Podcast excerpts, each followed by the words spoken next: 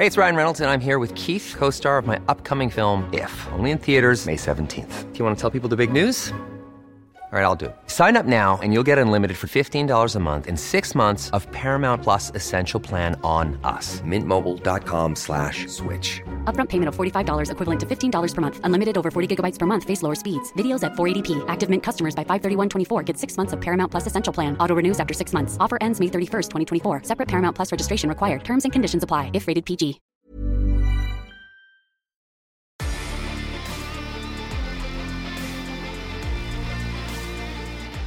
Ja, vi har grundstött här nu på den 14 december då vi ska öppna lucka 14 två gånger i Militärsnacks julkalender.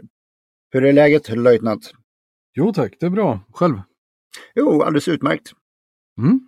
Jag har börjat lite pyssel och sånt där och eh, jag kommit in på det här med jultomtar och, och tomtar som pynt. Mm.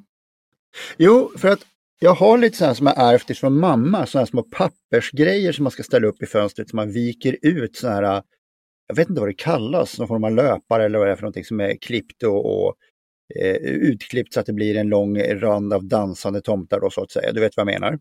Jag vet exakt vad du menar. Jag vet inte vad de heter. Löpare är väl dock en duk sån här som ligger mitt på bordet. Mm, jo. Men det, det som är kärnan i det här är att alla gamla, sådana här riktigt gamla grejer, där är ju tomtarna grönklädda eller gråklädda eller liknande. Medan säger man tomten idag så tycker och tänker alla att det är rött och vitt som gäller för tomtens kläder. Coca-Cola-tomten typ. Ja, men ungefär. Mm, mm. Jag tycker inte om den rödvita tomten. Jag tycker tomten ska vara som tomten har varit förr. Ja, jag är vigd att hålla med.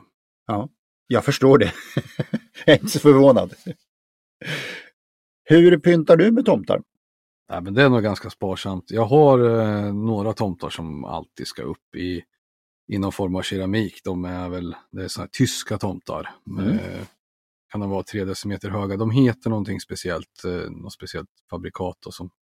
Men eh, de har hängt med länge. Jag tror jag fick en sån eh, min första jul. Okej. Och den ska med. Och eh, de här ser ju ganska arga och bistra ut. Mm. Så som det ska vara. Så som det ska vara. Egentligen är det väl inte superviktigt sådär, men, men jag, jag tycker fortfarande att liksom den hedliga tomten, den rätta tomten, är den som är eh, i de gamla klassiska färgerna. Det är det jag väl verkligen vill, vill slå ett slag för. Jag håller med. Och sen julpynt generellt sett, alla vet ju hur det ska vara. Den här tomten ska stå här och så, för då, då är det jul liksom. Mm, mm. Eh, Så att eh, traditioner är ju just att göra samma sak. Ja, Men eh, vissa länder vet jag har kvar lite, lite mer gammaldags eh, tomtekultur. Jag vet att Island har det.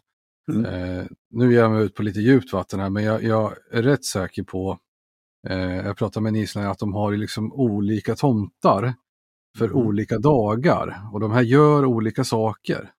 okej. Eh, det, det, här, det här, nu hittar jag bara på, men till exempel, ja men den här datumet så kommer en tomte som tjuvmjölkar kon och sådana saker. Ja, okej. Eh, så vet jag inte hur autentiskt det var, men sen har de just den här Joldagsvettir och det är liksom själva, det är själva jultomten som kommer på julafton. Mm.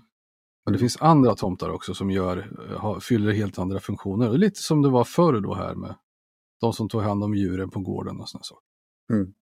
Jag har, alltså det får inte komma in nya grejer i julpyntet, så är det. Men jag har faktiskt en ny grej som är central i mitt julpynt och det är en gipsmotorcykel, en Yamaha RD 350, som det sitter en tomte på som kör och så skjutsar han en snögubbe.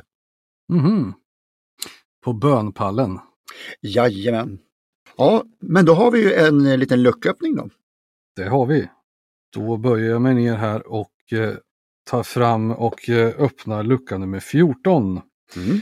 Eh, och eh, denna onsdag så hittar vi en gammal favorit som har Jaha. varit med i jul, julkalendern eh, förr. Och nu blir det ju spännande uttal igen. Den här tillverkas ju i Belgien Jaha. och eh, där kan de ju prata både franska och, och, och flamländska och allt möjligt. Eh, men den här, dess, jag skulle säga Gouden Carolus, Goden Carolus, men det skulle lika gärna kunna vara Goden Carolus. Mm. Eh, det, det stavas G-O-U-D-E-N. Carolus. med C. Och, och Carolus? Carolus, det är som Carolus som i Karl, som i Carolus Rex till exempel. Just. Men eh, ja, men det här är Golden Carolus Christmas.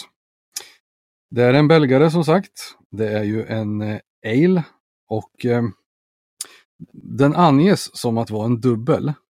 Ja. Men den ligger, den ligger ändå på 10% Så det är väl, eh, den är ute lite i, i kanterna där. Men det här är ju heller ingen trappist. Men ja, en, en dubbel eh, på 10% Lite i överkant.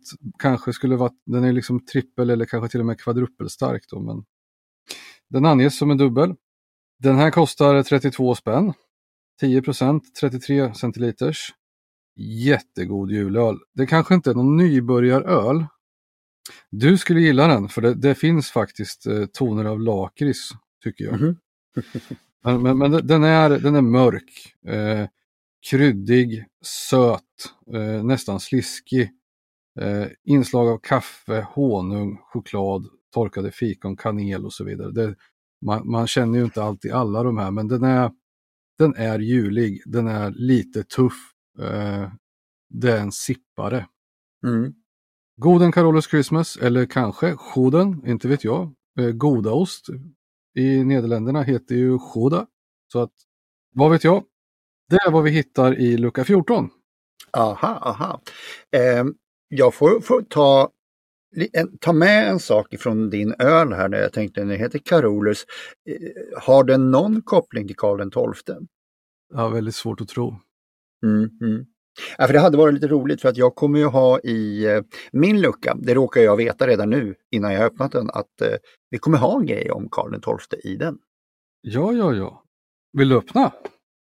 Jag tänkte vi skulle prata om en, eh, en annan pryl först. Så vi, Mm. vi har det som, som på vänt. Vi har det på vänt. Mm. Om, om jag säger tyska officerare och pistol, vad tänker du på då? Luger direkt. Ja, ja, det gör väl alla.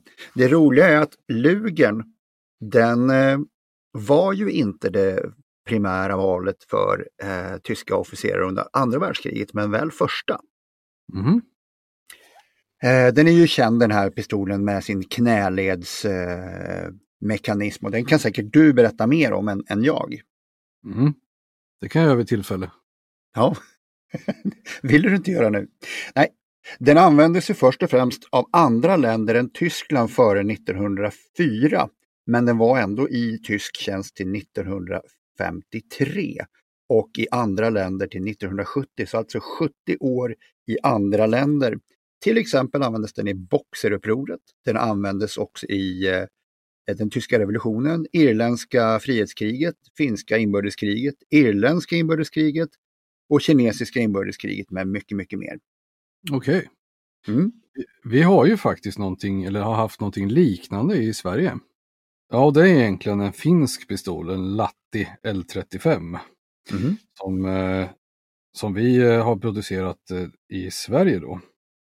Det är en kopia på Latti och den har Husqvarna vapenfabrik gjort på licens och då heter den pistol modell 40.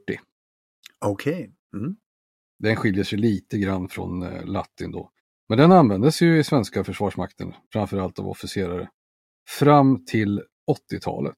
Så den här kallas ju för kamrat, kamrat 40, om man har hört det. För en del har hört det, ja men kamrat 40. Mm. Ja, va, varför gjorde den det? Men det lär ju vara så att eh, på den tiden, den fanns ju mellan 40, ja, 40-talet och 80-talet.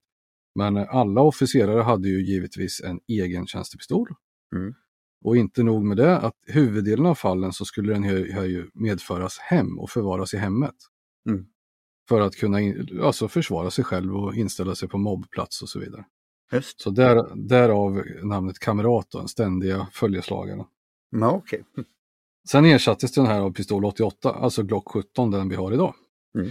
Ah. Men eh, på slutet så var den lite skraltig, den kunde spricka när man använde 939 Bertil som våran ammunition heter. Det är egentligen den som k-pisten skjuter, men ju, den går ju att skjuta i, i den här också. Då var det lite sprickbildningar och då tog man tillbaks pistol 07 ett tag för, som en gap filler. Okej. Och jag som inte gillar sådana engelska ord så att det var ju väl en Spaltfyllnad. En spaltfyllnad. Mm. Ja, då vart det lite pistolsnack emellan där. Mm. Men jag är, nyf- jag är nyfiken på dagens datum. Du hade ju någonting att servera här om, om, på, med anknytning till Carolus och då Carolus Rex, inte Carolus eh, Christmas. Nej, precis. Och det är då eh, 1697 så kröns Karl XII till Sveriges kung. Så det sydde vi ihop det lite. Det gjorde vi. Men det sker lite mer saker också. Exempelvis så 1981 så annekterar Israel Golanhöjderna och 1995 så tar Bosnienkriget slut. Mm. Och eh, 1969 så visas Monty Pythons Död papegoja-sketch för första gången och det måste väl ses vara ett viktigt datum.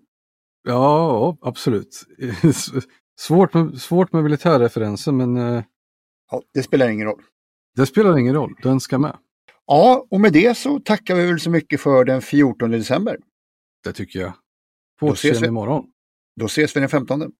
Jajamensan. Tack så mycket. Hej hej! Hej då, hej då. Hej då, hej då.